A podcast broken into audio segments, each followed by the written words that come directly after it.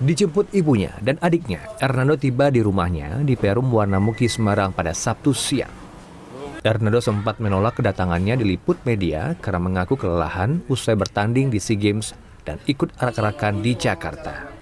Wis tak wanti-wanti mas, Iya. aku sama orang rumah aku nek pulang jangan rame-rame ya. Hernando mengaku hanya sekitar sepekan istirahat di rumah untuk memulihkan kondisi. Setelah itu ia akan bergabung klubnya di Persebaya Surabaya dan juga berlatih kembali dengan timnas.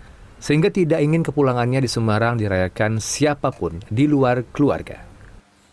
Menurut saya sudah cukup apa orang tua aja yang di rumah dan nanti ada mungkin ada pengajian khusus dengan para anak yatim juga yatim piatu jadi tapi juga saya mau eh, jaga kondisi juga nggak mau libur lama-lama karena masih banyak pertandingan yang akan datang.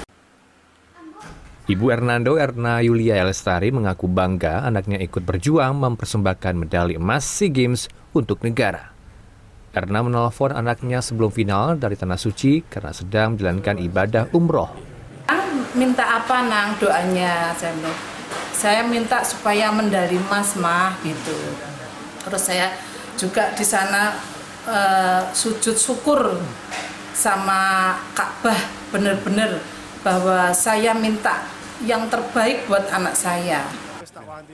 Iya. Hernando merupakan tulang punggung keluarga setelah ayahnya meninggal dunia beberapa tahun lalu. Danang Cahyo, Semarang.